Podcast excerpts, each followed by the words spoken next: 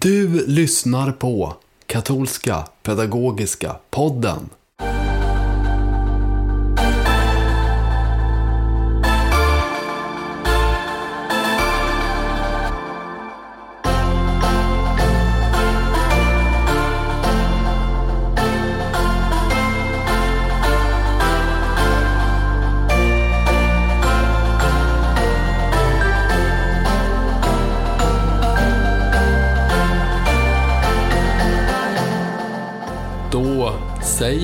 Hjärtligt välkomna till del 7 av Katolska Pedagogiska Podden. Här sitter Ulrika Erlandsson, min chef, och jag heter Jim Lagerlöf. Vi sitter på mitt rum i Gamla stan eh, för att spela in. Välkommen hit Ulrika. Tack så mycket. Hur är läget? Ja, det är härligt. Vi är igång nu äntligen med att arbeta med direktorium och eh, det känns som att nu, äntligen. Just det. Från Ja. det att vi liksom pumpade ut direktoriet till alla som var på kongressen så ska det nu ut i hela landet ju. Ja, det var startskottet skulle man kunna säga, kongressen. Och nu lanserar vi, det kommer vara på prästrådet en presentation. Vi har redan varit på pastoralrådet. Det kommer vara dekanatsmöten runt omkring i landet. Och framför allt, framför allt så kommer vi att vända oss till våra kateketer och se hur mycket inspiration det finns faktiskt att hämta i de här nya tankarna och eh, nya perspektiven från direktorium. Och Jag hoppas att vi får chans att fördjupa oss lite grann i själva direktoriet för katekes i nästa nummer utav den här podden. Men det vi kan säga nu det var väl att vi fick besök här på KPNs kansli igår. Eh, det blir det ju inte när ni lyssnar på det här, men igår i verkligheten när vi sitter här i alla fall. Så var biskopen här. Och Vi hade en direktoriumtårta. Mm, den kan man se på vårt Instagram, en gul tårta. Ja, Mm, precis, precis. Rätt färg också. ja, just det. Ja, nej, det var jätteroligt. Tänker att då, vi brukar inte ha bokrelease för att jag menar, vi ger ut ganska mycket böcker. Men det här har ändå varit ett eh, långt, eh, gediget arbete och eh, vi tyckte det var något alldeles extra som vi var jätteglada att få fira med biskop Anders. Det är bara en bok säger kanske någon, men det är liksom en bok som kommer den har betydelse redan nu därför att den på något sätt uttrycker kyrkans attityd till vår tid, katekesens plats i vår tid. Det är liksom en, en tid i kyrkan där vi är lite granna på väg på nytt skulle man kunna säga. Alltså det är ett nytt evangeliskt apostoliskt landskap, särskilt här i Europa där vi finns ju.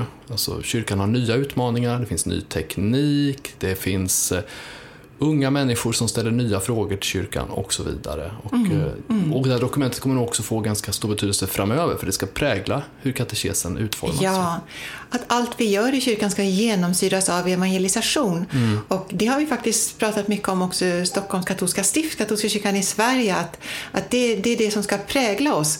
Och, och, och det är helt i linje med det, det direktorium säger, så att det, det, det blir en ny dimension på allt vårt arbete när vi ser att vi finns till för att evangelisera. Och hur gör vi det? Och det är där eh, direktorium kan hjälpa oss vidare. Evangelisation, det är ju ett sånt där ord som vi använder i kyrkan, att föra ut tron till fler. Det kan man göra på många olika sätt. Ett sätt att föra ut tron bland vuxna, personer som är nya i tron eller som har kommit tillbaka till tron. Det är någonting som vi har sysslat med när det gäller de här filmerna som heter Sycamore som eh, en präst från London som heter Stephen Wang har sysslat med. Och nu kom han hit till Stockholm förra helgen.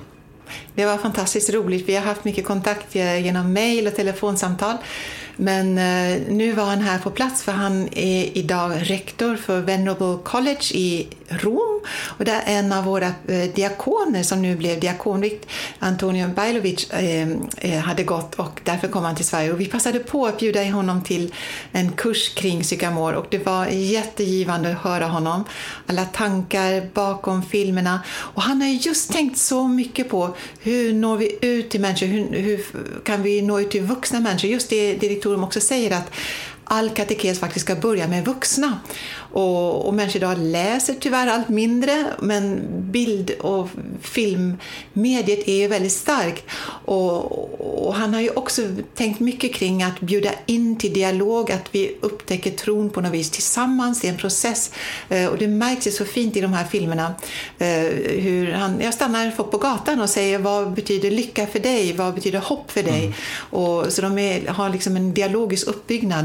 Eh, och han, han var riktigt inspirerad inspirerande tycker jag att lyssna till. Och det, för vi har tron där, men han kunde verkligen visa på ett fantastiskt sätt hur vi ska förmedla den och ge den vidare. Jag tyckte det som var finast för mig att höra, det var att liksom filmerna var bara en liten pusselbit i någonting större. Att det var liksom just de här träffarna, hur viktigt det var att ses, att ha den här tillåtande atmosfären, högt i tak, tillfälle, möjlighet att ställa också kritiska frågor, tillfälle och möjlighet att säga emot, att det var tillåtet att säga emot, säga jag håller inte med, att man har den atmosfären i gruppen och att det liksom, vi äter tillsammans. Och hur viktigt det är att se till att det där finns naturligt i församlingen. Så när vi säger till någon, häng med, kommer med och se till min församling. Att det faktiskt är, finns en gemenskap att bjuda in till. Det tyckte jag var väldigt härligt att höra honom tala ja, om. Det är sant. Jag blir också tagen för att jag är så fascinerad av filmerna. Jag tycker varje film är ett konststycke och en, en, underbar upplevelse att se. Men han sa nej, nej, nej, filmerna är inte alls viktiga. Precis, det viktiga precis. är det som händer i gruppen, ja, i församlingen, ja. stämningen, mötet, den öppna, den öppna dialogen där. Det är där det verkligen händer och det, mm. det, det var lite häftigt att höra honom. Och eh, hans filmer, de här psykomorfilmerna, de finns ju på vår hemsida att se ja. och om man vill starta grupper så finns det också stu studiefrågor, hand, studiehandledning eh, att ladda ner gratis från vår hemsida för dig som vill starta en egen sån här psykamorgrupp. Sen blir det så här att för dig som kan engelska och eh, det kan ju många i Sverige eh, då finns det ett specialavsnitt på gång av den här podden där vi får höra mer, där du Ulrika intervjuar Stephen Wang lite mm. mer. Så det kommer i början av november skulle jag tro angående evangelisation, vi kan också prata om ett annat sånt där ord som är ett lite kyrkiskt ord. Apologetik. Vad betyder det? Det betyder att man liksom avslöjar eller förklarar eller liksom en slöja som lyfts av. Eh, det är också en del av trons förmedling, att förklara att vi med hjälp av vårt förnuft också kan fördjupa vår tro. Att tro och förnuft hjälps åt, det är kompisar, det är liksom inte motsatser eller, eller sådär. Och en som vet mer om det och som jag har försökt prata med om det, det är pater Thomas Idegard som finns i Santa Eugenia, en jesuitpater där. Just nu är han i Sydafrika, han har rymt från Sverige han kanske kommer tillbaka nästa år, men, men han, jag hade chansen att fånga honom i steget när han var kvar här i Sverige och vi har pratat om apologetik och tro och förnuft och det kan du lyssna på här.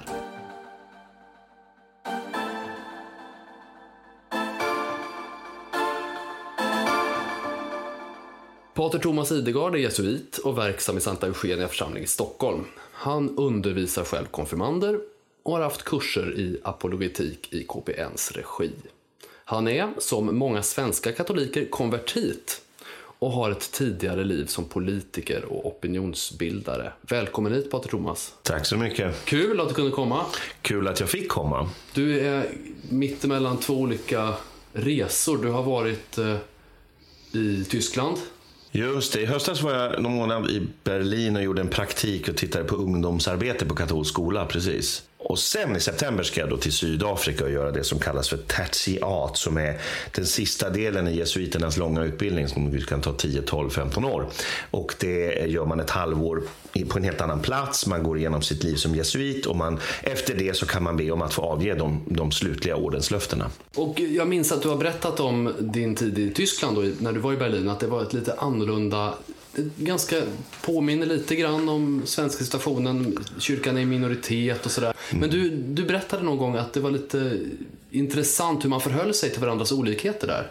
Ja, man hade på något sätt gått ett varv. Sverige befinner sig fortfarande i den här amerikanska, eh, att man tror att man är väldigt tolerant om man nu pratar om det offentliga klimatet, fast det då var väldigt, väldigt, väldigt smalt det man då får tycka och tänka och så vidare. Så fort man är kritisk mot någonting så är man då fobisk och så vidare. Det hade man Berlin passerat. Där hade man verkligen kommit till den verkliga mångfalden. Så om man här i en diskussion till exempel som handlar om, om eh, transfrågor eller sånt som då hett säger att ja, men jag är katolsk präst, då får man ju genast folks ilska mot den. Men bara därför. Men i Berlin kunde det vara så här, ja, jag är katolsk präst. Jaha, vad intressant. Ja, är du det? Så man liksom hade gått ett helt varv till. Och på ett sätt var det lite mer, det var lite mer ärligt, vad man säga, superliberalt. Eller i alla fall att man uppskattade mångfald på riktigt, man bara inte sa det. Tror du att vi rör oss ditåt i Sverige? Eller? Jag vet inte. Det kanske avgörs av oss. Jag menar, vi är tillbaka till det här med evangelisation, det är ju inte att vi sitter hemma och tycker att någon annan borde göra det. Eller att vi tänker så här, nej men um, vi kanske ska vara lite försiktiga med att tala om vad vi tror är sant och så. Då kommer ju ingenting att hända. Det vill säga, vi borde faktiskt läsa apostlagärningarna och se hur de tidiga kristna, den första kyrkan jobbade. Precis så borde vi jobba också. Mm. Så då finns det hopp ändå om det finns några eldsjälar som är sugna på att eh, ta lite strid?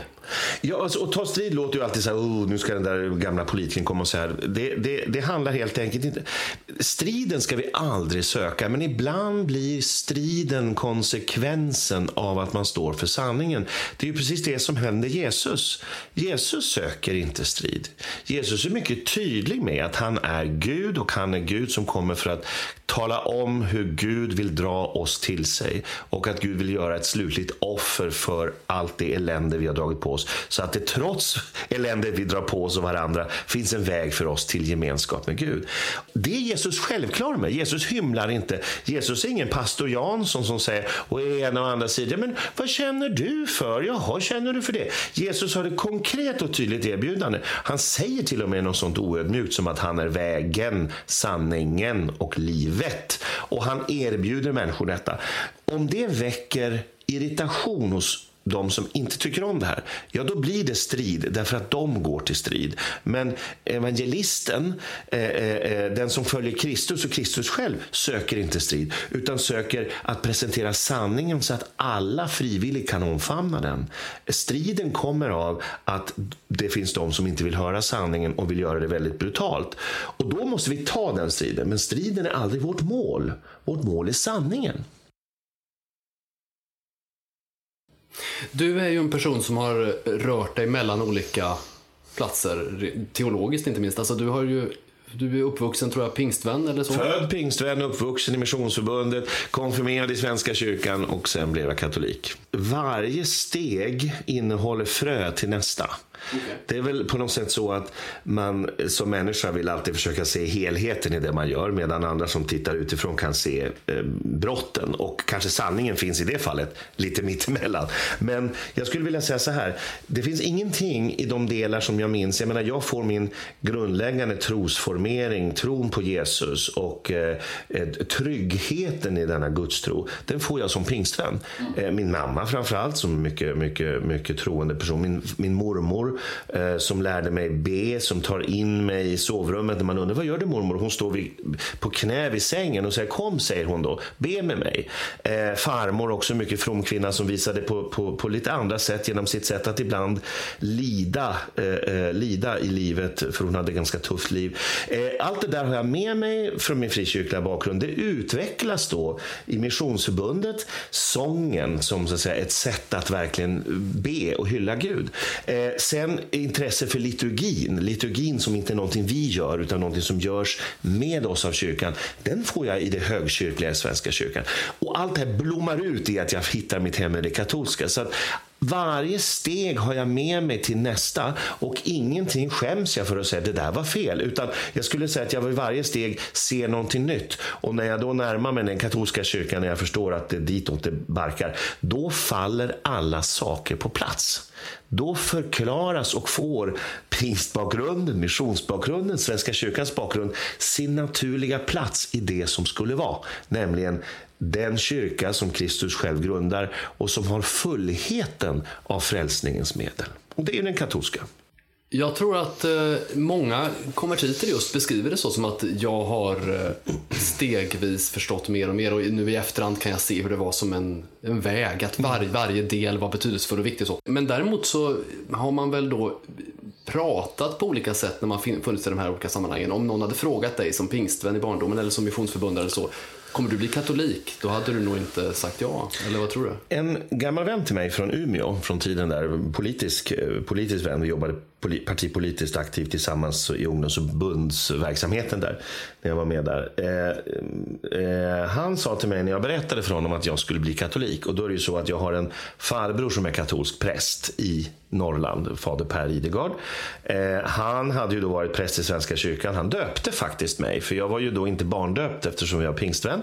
Och eh, kort tid efteråt, det var nog inte på grund av att han döpte mig, utan kort tid efteråt så hoppar han av och konverterar till katolska kyrkan. Och sen efter efter något ytterligare år så befinns han då ha en presskallelse.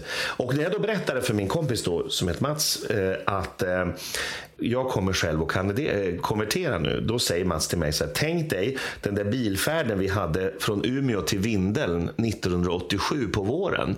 Då sa du till mig, apropå din farbrors konversion och att han skulle bli katolsk präst, säger Mats. Då sa du till mig att om det där med kyrkotillhörighet vore viktigare för mig så skulle jag också bli katolik. Mm -hmm. Så redan då, då? Det hade jag glömt. Och då är det här bara några år efter min egen konfirmation då i Svenska kyrkan. Och då hade jag naturligtvis påverkats av sam många samtal med min farbror, för jag var jätteintresserad då i min, eh, där i övre tonåren. Eh, hur, oj, varför gör du det här? Och så vidare.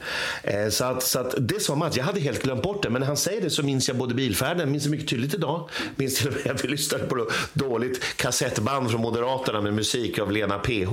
Inget fel med henne. Men, men, men det var, och så pratade vi om, om att min farbror skulle konvertera och jag sa att det här, om det vore viktigare för mig så skulle jag bli det. Så det är inte för att rättfärdiga det som hände, men det, det är intressant att saker kan liksom pysa ut en utan att man riktigt då vet vad det ska leda. Så du har liksom aldrig haft någon riktigt sån här, eh, det känner man ju ändå i människor att protestantiska sammanhang förhåller sig till katolska kyrkan och ibland väldigt negativt, ibland mindre negativt och ibland väldigt ekumeniskt. Men du, hur har din, ditt förhållande då varit eh, genom åren? Genom att min farbror då konverterar eh, och blir katolik så kommer det här naturligt in i familjen. Men sen ska jag berätta då en annan anekdot om min mormor som var verkligen, hon var frikyrkopastor hustru, blev änka ganska tidigt i sitt liv, eh, hade också haft ett tufft liv och eh, kunde ständigt vittna om överlåtelsen till Gud som en del i det som gav henne styrka.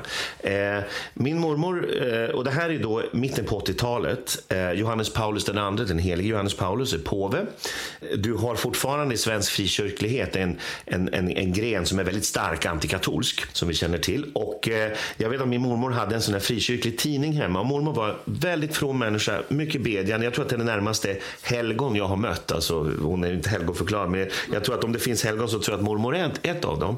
Och, eh, eh och, och, så, och Jesus är så närvarande i hennes liv. Och så säger hon så här till mig då pratar vi just om Per, då, min farbror som ju hon kände mycket väl, att han skulle bli katolik och till och med katolsk präst. Och då hade mormor den där frikyrkliga tidningen framme som då hade en, någon jättekritik mot katolska kyrkan på första sidan och mot Johannes Paulus. Och då säger mormor så här, ja, ja det finns ju mycket i frikyrkligheten som, som säger att det katolska inte är kristet.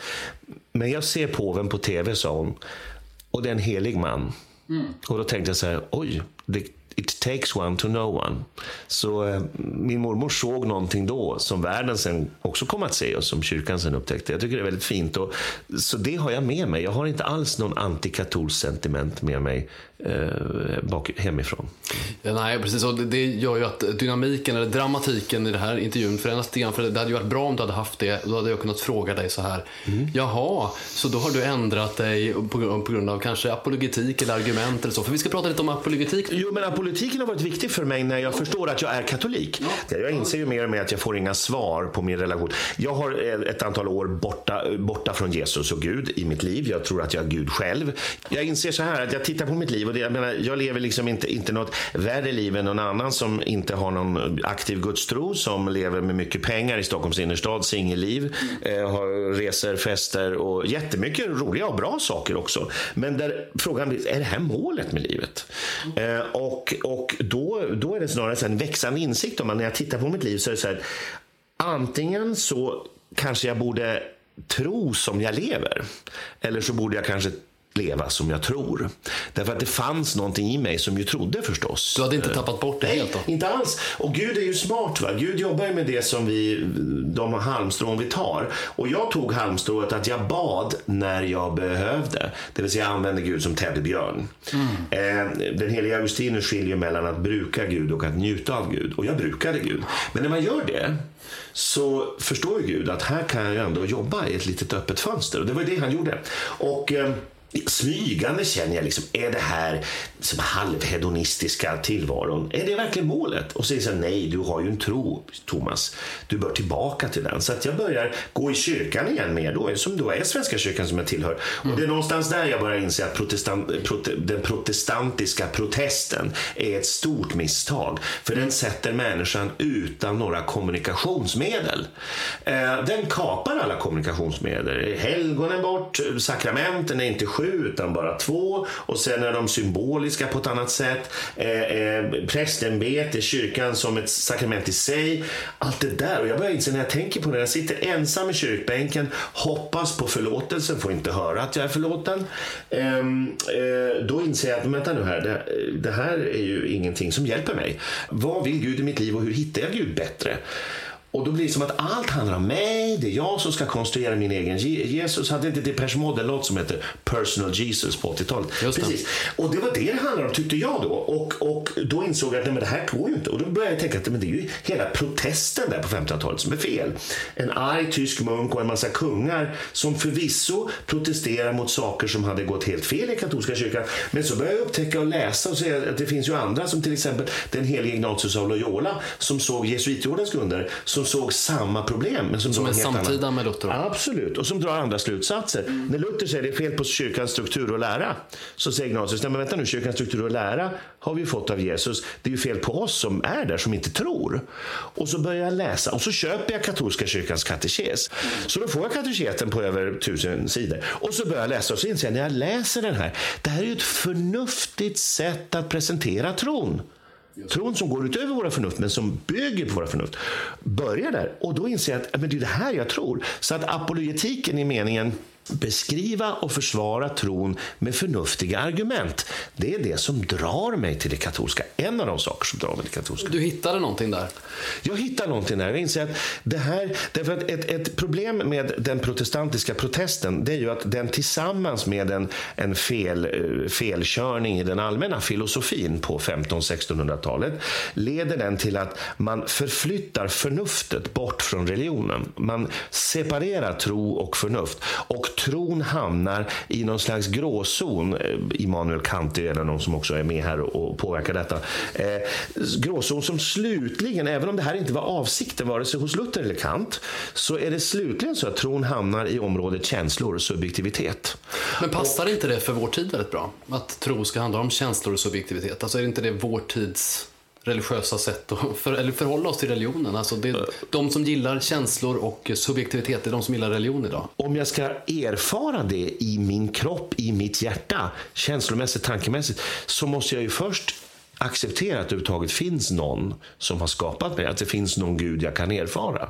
Annars är ju risken att jag bara erfar mig själv.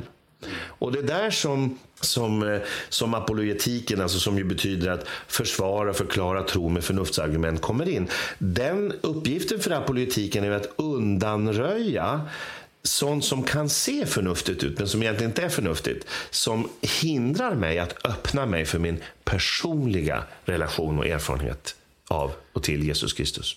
Så i vår, i vår tid, i vårt samhälle, eh, när man förhåller sig till religionen, då, då på ett sätt har jag tänkt ibland på att man bortser från allt det tankegods som finns i traditionen. Mm. Eh, till exempel Hedenius då, eh, och de andra stora ateisterna, de, de verkar tänka att religionen är väldigt oförnuftig i grunden och att den står mot ja, vetenskap visst, och visst, logik och sådana saker. Men apologetiken säger så är det inte. Nej, det är ju den, den djupa katolska traditionen, den som allt fler av våra medkristna, framförallt inom den evangelikala sidan, upptäcker nu. Det är ju en jätterenässans för kyrkofäder och andra bland, bland vissa protestantiska grupper. Och det är jättebra. Vi har den här traditionen därför att det faktum att den katolska kyrkan har frälsningens fullhet är ju inte ett skäl till varför vi ska bli styva i korken och sitta och säga ah, ah, ah, vi är mycket bättre än ni. Vi är samma syndare som alla andra. Vad vi ska göra när vi inser detta det är att vi ska dela med oss av denna skatt. Vi vill naturligtvis att alla slutligen tar sitt ansvar för kyrkans enhet och blir katoliker. Men det är bara Gud och den helige ande som kan, som, kan, som kan verka detta. Vi kan bara göra vad vi kan och vi måste bjuda.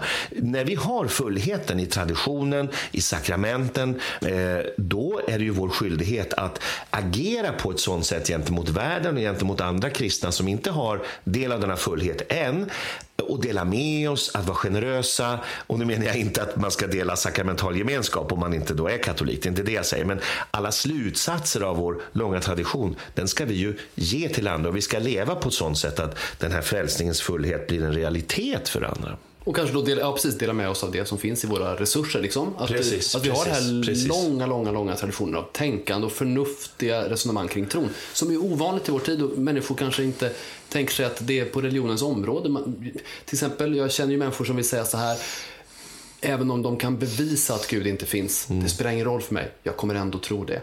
Det, kan, det kan störa mig personligen, för jag tänker om någon kan bevisa att Gud inte finns, då vill jag väl inte tro på det. Det, Mm. Det är ett olika sätt att se på det. Ja, ja. Eh, kanske kan man tolka dem välvilligt och säga så här eh, att, att det skulle ändå aldrig kunna finnas några empiriska bevis som ju vet varken för eller emot Gud är sinneserfarenheter. Men däremot, du och jag vet ju att det finns logiska skäl att anta att det är sannolikt att Gud finns, att det är plausibelt. Eh, och det är den klassiska politiken. Och jag menar ju det att den, den går ju tillbaka till den tidiga kyrkan också. Titta på, Ehm, ja, du har ju, du har ju aposteln Petrus som skriver i ett av sina brev att, att vi, han uppmanar oss att vi alltid ska vara beredda att ge andra besked om svar på vårt hopp.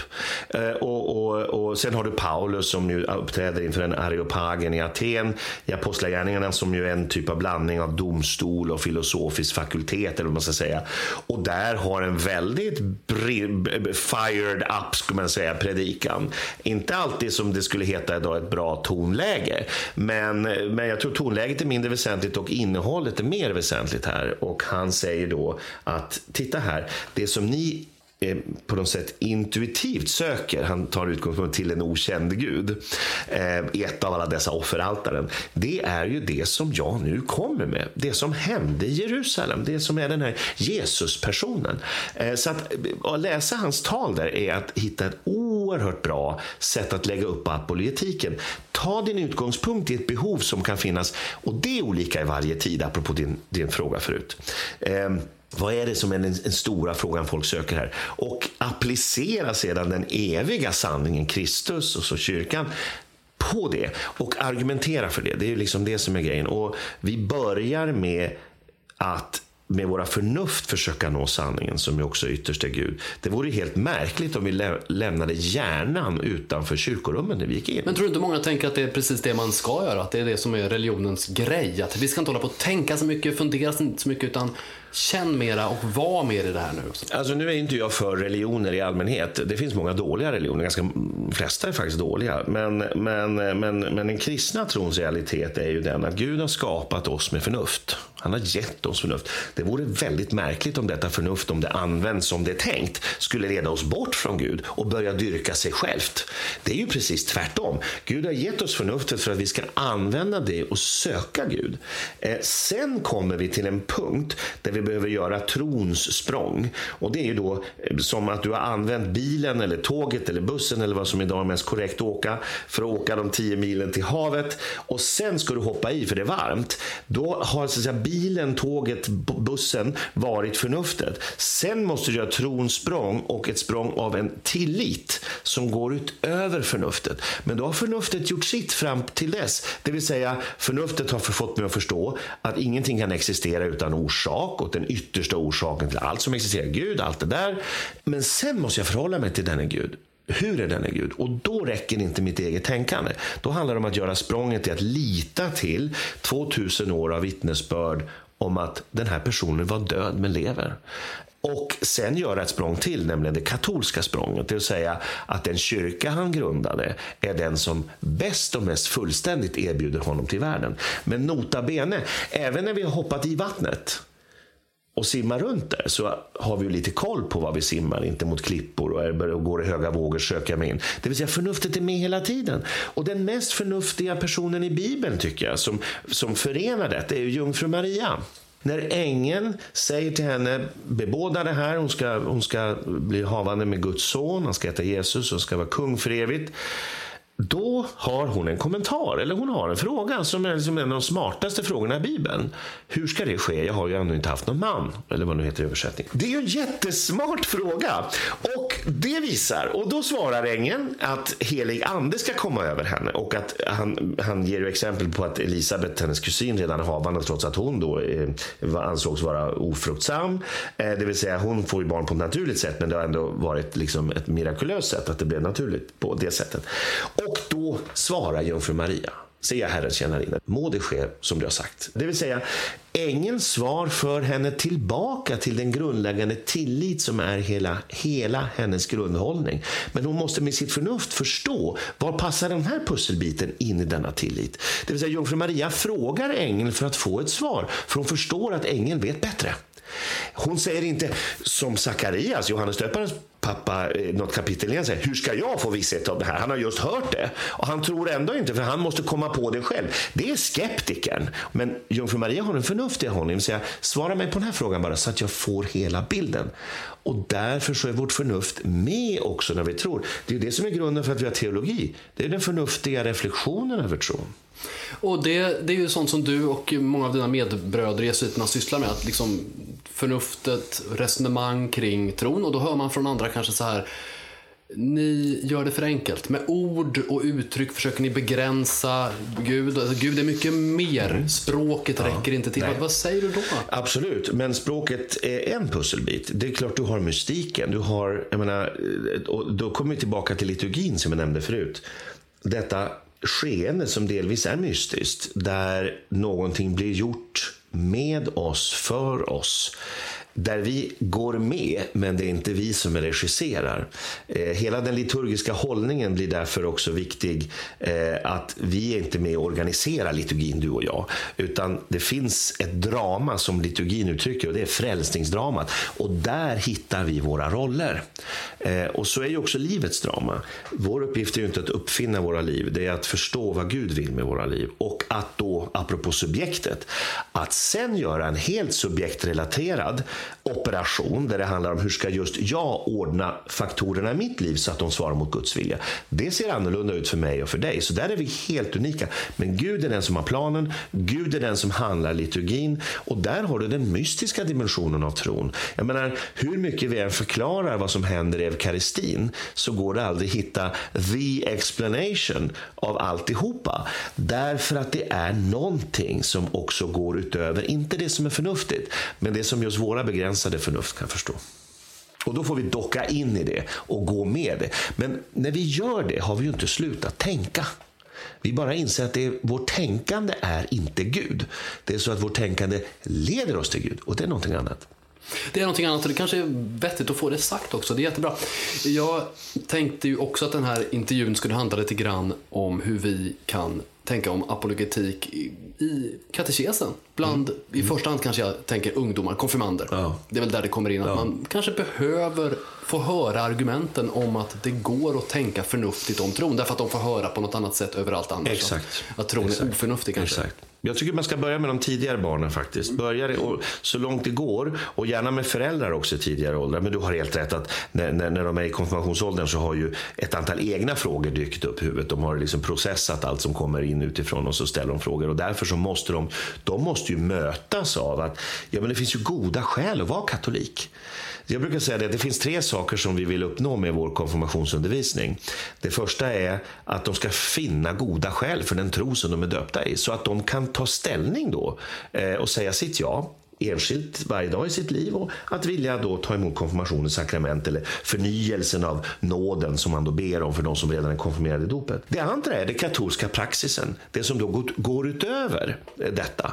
Alltså lära sig mässan, det kan ju många genom de, ändå har gått till kyrkan med sina familjer, men bönepraxis, eh, eh, sakramental praxis. Eh, det brukar vara oerhört rörande att se när vi vid konfirmationslägren har sakramental tillbedjan och hur många har aldrig varit på det och hur, hur rörande den är. Och det är ju en mystisk erfarenhet. Och att de är med och får dessa erfarenheter av praxis. Och det tredje är Eh, vänner, gemenskap. Att de får veta att även om jag sitter ensam med min klass i den här sidan av Stockholm eller vilken del av landet vi nu är i, så finns det andra som jag känner som sitter ensamma på andra platser. Och tillsammans kan vi träffa varandra, vi har lärt känna varandra, vi har vandrat en väg med Jesus tillsammans och vi kan fortsätta ses och ha kontakt och stärka varandra i tron. Så de tre sakerna är vad vi ska ge med vår undervisning tycker jag. Hur tycker du liksom att det matchar när, eh, när man börjar prata med ungdomarna utifrån ett apologetiskt perspektiv. Alltså man vill ge dem argument och förklaringar och ord, begrepp, allt det här.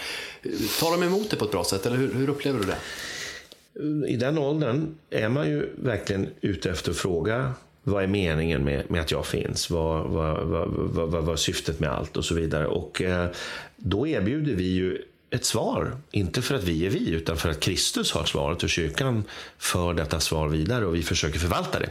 Eh, och jag skulle säga att det är väldigt stor mottaglighet. Och mottagligheten är inte okritisk och det ska det inte heller vara. Därför har vi också väldigt bra material, eh, bland från KPN, eh, i vår undervisning som möjliggör att vi kan göra det jungfru Maria gör till ängeln. Vi ställer förnuftiga frågor för att komma vidare i den grundläggande tilliten till Kristus och hans kyrka som vi har som katoliker. Om man själv som kateket och kanske inte teologiutbildad känner Ja, men hur ska jag kunna förklara allt det här? Okej, tack gode gud för bra läroböcker mm. kanske. KPN. Ja, verkligen. Men vad och har filmer du för... Ja, okej, okay, ja, precis. Och du har ju varit med tillsammans med Rodas eh, Berhan och gjort tre filmer ja. åt oss. Ganska om just sådana här frågor, ja, vad är sanning, tro och vetande? Precis de här grundläggande sakerna. Ja. Men om man då känner så här, ja, hur ska jag få mer kött på benen själv? Eller hur ska jag jag, jag behöver också känna mer självförtroende. För jag tror att det hör ihop med det. Att man, att man är trygg i sin egen tro ja. och kan ja. förklara ja. just de här svåra grejerna. För enkla saker som man är van vid att förklara. Men sen kommer ju som de svåra frågorna. Och kanske om man släpper ungdomarna fria att själva fråga, mm. då blir det liksom ett lager till. Mm. Vad har du för tips där till kateketer? Alltså för det första så skulle jag säga så här, lita mer på er tro än vad ni faktiskt gör. Många, många, jag har ju fått ibland dra in kateketer som har blivit, som har blivit jättebra kateketer, för jag har också förstått att de skulle bli det. Men de har trott att, ja men åh, jag kan inte så mycket teologi. Mm. Eh, grundläggande är ju, jag tror att påven Franciscus sa så underbart en gång, att teologi ska bedrivas på knäna. Mm. Det vill säga, bra teologi är ju en teologi som bygger på den kristna tron tron och på en kristen trospraxis. Annars blir det bara som en slags laboratorieexperiment och betraktelse från utifrån. Samma sätt, så här, bra katekes börjar med eget mässgående, egen bikt, egen böneliv, egen sakramental praxis. Där har du det avgörande. Sen kan du bygga på. Du kan läsa och, och titta på klipp på nätet och så vidare. Det finns mycket bra resurser. Utöver de som KPN har, eh, jag menar Bishop Robert Barrons Word on Fire är ju liksom en skatt för, för världen. Eh, eh, när det gäller katekes och evangelisation. Och många andra exempel finns också. Och, och, så det, och då skulle jag säga så här, kräv av din kyrkoherde eller av den präst eller diakon eller, eller syster eh, som är ansvarig för katekesen i just din familj, eh, församling, kräv en reträtt eftermiddag om evangelisation till exempel. Jag skulle säga att jag hade med mina kateketer före jul eh, eh nu 2022 en reträtt eftermiddag där vi eh, utgick ganska mycket från Ulf Ekmans utmärkta lilla bok om evangelisation och ställer oss frågan katekesen av ungdomar som en del i evangelisationen. Eh, så att det går med enkla medel att också ordna i den egna församlingen någonting sånt här för att öka kompetensen. Men i grunden så handlar det om att du ska förmedla din tillit eh, och dina skäl till tilliten och din praxis till de här. Och de kommer att märka det. Ja, det är väl hemligheten. Det här att, att det man själv tror på, det man vidare till Precis. Och jag tror ju så här att eh, när kristenheten svajar i, i, i, i både vilja att evangelisera eh, och i, i vilja att också använda alla kapaciteter, inklusive förnuftet, till att verkligen argumentera. Då tror ju jag att det beror ytterst på att man inte tror tillräckligt mycket. Och jag menar, det vet vi ju själva. Våra synder, att vi behöver gå och bikta oss ständigt, är ju naturligtvis vårt eget dagliga avfall från tron. Så det är liksom inte att jag sitter och säger, ni som inte är så fired up eller eldfängda som, som kateketer, ni tror inte tillräckligt starkt. Det är inte det som är min poäng. Men min poäng är så här, om vi älskar våra medmänniskor, och det ska vi göra i Kristus, med Kristus, och han hjälper oss att göra det så har det konsekvenser. Vad betyder då älska? Ja, det är ingen känsla i första hand, utan det är viljan av den andras bästa för hans eller hennes egen skull. Vad är det bästa för alla? Även för den som jag tycker väldigt illa om eller som jag har svårt att gilla, för det är något annat än att älska. Jo, det bästa för alla är Kristus. omvändelsen, omvandlingen i Kristus, syndernas förlåtelse och det eviga livet. Det finns inget bättre. Om jag då älskar alla, det vill säga vill Kristus för alla, då måste jag ju försöka göra vad jag kan för att de får höra Kristus. Alltså är min kärlekshandling, min främsta kärlekshandling i många fall, är att förkunna min tro i det jag säger och i det jag gör. Och dessa två båda behövs. Med de orden då, Pater Thomas, stort, stort tack för att du ville ta dig tid att komma och prata med oss lite grann om apologetik och saker och ting som har att göra med katekesen. Tack så mycket.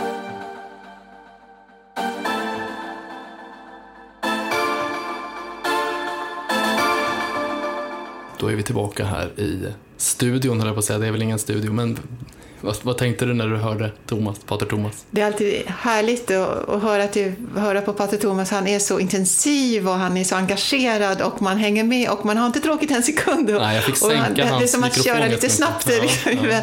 Men, men eh, mycket spännande Just saker det. också. Ja, absolut. En sak som jag tänkte på det är väl att um, Apropå katekesen då, jag hoppas att katekesen kan vara en fristad. Alltså, jag vet ju att barn och unga i Sverige får höra saker i svensk skola som kan vara lite jobbiga. Alltså man kan få höra, liksom, jag skulle inte säga attacker, men jag skulle ändå säga hårda ord om tron. Att tron och vetandet hör, det kan inte höra samman. Eller att tron hör till det förgångna, är något förlegat, eh, någonting som är på väg ut. Det, det är till och med lärare som säger så. Det finns just kristna studentorganisationer som har undersökt hur, hur situationen kan vara för kristna i skolan i Sverige. Så då kan det vara viktigt att säga det. Låt katekesen också få vara en plats där man betonar att det finns förnuftiga svar. Eh, tro och förnuft är inte fiender. Och det tänker jag att man ska göra av två skäl. Dels för att lite mer självförtroende för oss som är troende. Vi behöver komma ihåg det. Vår tro är inte tagen ur luften eller ett påhitt eller en fantasi. Så lite självförtroende. Och sen handlar det också om att kanske ibland, om man vågar, kunna svara en lärare eller en klasskamrat som säger någonting konstigt om den katolska tron. Att man faktiskt har lite känsla för att jag, jag kan svara på detta. Jag är redo att säga emot om de, om de säger någonting som är väldigt konstigt eller annorlunda. Det är väldigt spännande. Det är någon diskussion ni har där i samtalet. Eh, eh, att någonstans finns det också att eh, vi, vi använder vårt förnuft för att förstå mer och mer av tron. Men det finns alltid ett mysterium också kvar. Ja. Och där, där vi hoppas på nåden som ska hjälpa oss. Att det, det är något möte mellan liksom mystiken och, och det finns en gräns för vårt förnuft också. Ja. Så, så, det är väldigt spännande där. Var, var går den gränsen? Ja. Och, eller, det, det, det, det, det tycker jag är en så fascinerande tanke. Mm. Eh, men det betyder inte att vi därmed ska abdikera från början på något vis. Utan eh, Båda ska... sakerna behövs ju, ja, inte bara ja. det ena. Nej. Ja, precis. Och jag, jag blir, tycker det är väldigt roligt, jag har faktiskt inte hört förut den här analysen. Tänk vad ofta man har reflekterat över och eh, studerat bebådelsen, ängeln Gabriel som kommer mm. till Maria. Mm. Och eh, hur han säger att det också är ett exempel på att Maria faktiskt använder förnuftet ja. eh, när hon frågar hur, hur ska det här ske? Ja. Så hon, vill, eh, hon är tagen, hon är rädd, men, men, men där går också någonstans eh, liksom hennes hjärna igång. Och, och hur, hur ska det här ske? Eh, nyfikenheten, hon vill veta mer mm. och, och får, får ett svar. Eh, så det, det, det är lite fascinerande hur både och hela tiden behövs och är en del av att det att vara människa. Just det. Och sen så talar ju Pater Thomas lite om sin barndom också, sin bakgrund där. Ja, oerhört fint tycker jag. Med, väldigt fint att höra hur han talar med sådan värme om sin mormor i, inom Pingstkyrkan och hur hon öppnade upp en första liksom, Jesus relation, hur Jesus blev så viktig för honom där. Eh, det, det var så inspirerande och vackert hur det kan finnas helgon till och med också utanför vår egen tradition ehm, som står så nära Gud, öppnar vägen. Så det, det tar jag verkligen till mig också.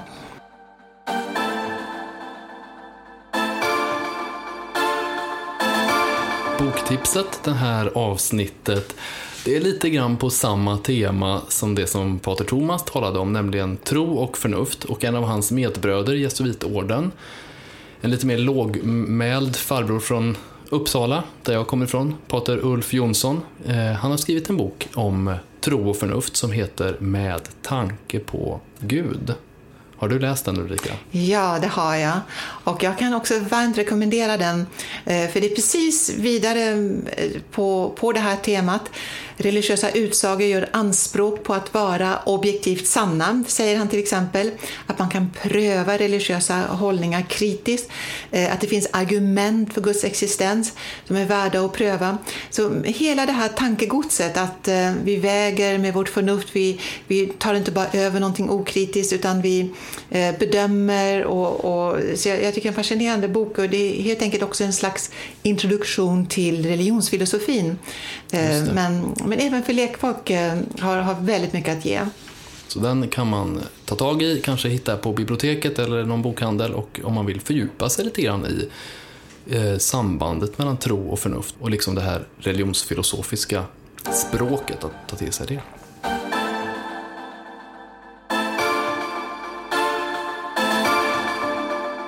Till sist, frågan för det här avsnittet. Ja, det är månadsskifte alldeles strax här mellan oktober och november. Allhelgona och alla själars dag, de dödas månad, men också det här fenomenet från Amerika, Halloween. Hur ska vi katoliker förhålla oss till det? Ja, då kan man väl säga att vi, vi kan förhålla oss på lite olika sätt. För det första kan man väl säga så här att Halloween är ju från början en gammal katolsk tradition. Eh, precis som att man på olika ställen, på olika sätt, ju har såna här folkliga firanden. I Österrike har man Krampusfest. I Sverige hade vi ju den här, har vi på många ställen det här att man åker till Blåkulla, klär ut sig till påskkärring, påskgubbe. Det gjorde vi när jag var liten i det frikyrkliga Dalsland. Och eh, Halloween, det är ju liksom en både och sammanhang. Alltså det är ju kvällen före den här stora ljusa alla helgonafesten så trodde man ju, många, många, i folktron så tänkte man att nu är mörkret särskilt aktivt. Och ibland är det så, för att bemöta någonting som man tycker är obehagligt, så kan man göra narr av det. Det är lite så man kan tänka. Man kan skämta och skoja om det man är rädd för.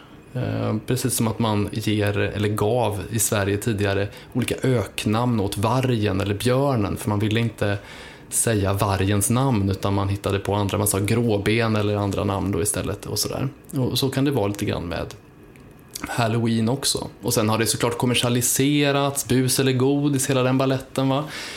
Men jag tror att det där, jag tycker om ordet lagom.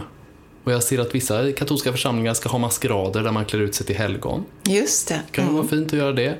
det barn älskar att klä ut sig. Ja, men visst gör de det. Och även vissa vuxna tycker att det är kul. Det är lite skojigt här tycker jag, för att det är det här med de här eh, traditionerna som du beskrev så fint har vuxit fram. Eh, och jag, jag, vet också eh, mina jämnåriga som är uppvuxna i Sverige som upplever ett motstånd mot eh, halloween på grund av kommers kommersen helt enkelt. Att plötsligt affärerna fulla med allt det här här och en press, köppress liksom handlar massa saker, pumpor mm. och grejer till, mm. eh, till barnen och om man känner man hallå det här, det här hade vi inte i Sverige förut och varför ska nu allt det här in och, och det är egentligen inte samma sak som att de som är katoliker och säger men det här är inte allhelgona heller och, ja, eh, alltså, det, man kan förstå att, eh, att ja. det, man värjer sig lite.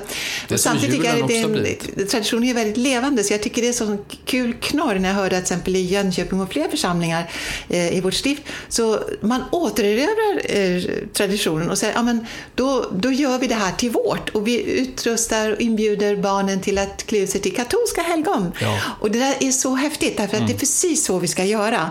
Att till exempel en parallell till Lucia, om man frågar en etnolog i Sverige så ja. Lucia har ju en väldigt brokig bakgrund och då lär ju svaren bli hur långa som helst i ja. olika regioner i landet och jag är massa konstiga traditioner och hur växte det här till att bli vår heliga Lucia från Syrakusa. Men då säger jag, men, men låt oss då återerövra det, att, att göra det så katolskt som, som vi kan mm. eh, och, och, ja, liksom, och sätta vår prägel på det. Eh, då, då, då, det tycker jag är ett kreativt och katolskt bra sätt att ta tillvara på den här mångfalden. Ja, visst. och sen ska vi såklart fira våra fester med allhelgona där vi eh, kommer ihåg alla de här hemliga helgonen, alla som inte har en egen dag eller alla som mm. har alla själars dag. Ja visst, sen kommer mm. alla själars dag också. Och att vi kommer ihåg att be för våra avlidna släktingar mm. och påminna barnen om det också under november. Och du Jim, du har gjort en fin film om det här. Det måste, dags att ta, plocka fram ur gömmorna här. På. Ja, ja, ja. Om de här högtiderna. Jag tycker att ett ord som kan vara viktigt när det gäller allt det här det är ju ordet respekt. Respekt för de som inte vill fira halloween, respekt för de som vill fira alla själars dag och respekt för alla människor som är, går omkring på kyrkogårdar den här tiden på året. Att vi för det är ju faktiskt helt underbart och, och, väldigt katolskt att, för det berättar ju äldre svenskar för mig att det fanns ju inte alls Nej, det här med kyrkogårdar, att, att man tände så mycket ljus. Och det visar ju på det katolska sättet att leva vår tro, att vi vill ha symboler, vi vill tända ljus i mörker, vi vill samlas, vi vill, vi, genom, det är en rit egentligen det här, att vi genom riter uttrycka vårt innersta hopp och längtan och det, det är väldigt vackert. Och, och ja, så, så, det ska vi vara tacksamma för när vi kan få lov att känna igen oss i, i det. Det har kommit tillbaka till vårt ja. mörka och kalla Norden, ja, så kan man väl säga. Ja. Och med de orden så får vi tacka ödmjukast för att du har lyssnat på det sjunde avsnittet av eh, katolska pedagogiska podden. Det var med mig, Jim Lagerlöf och Ulrika Erlandsson och vi önskar en trevlig allhelgonatid. Hej då! Hej då!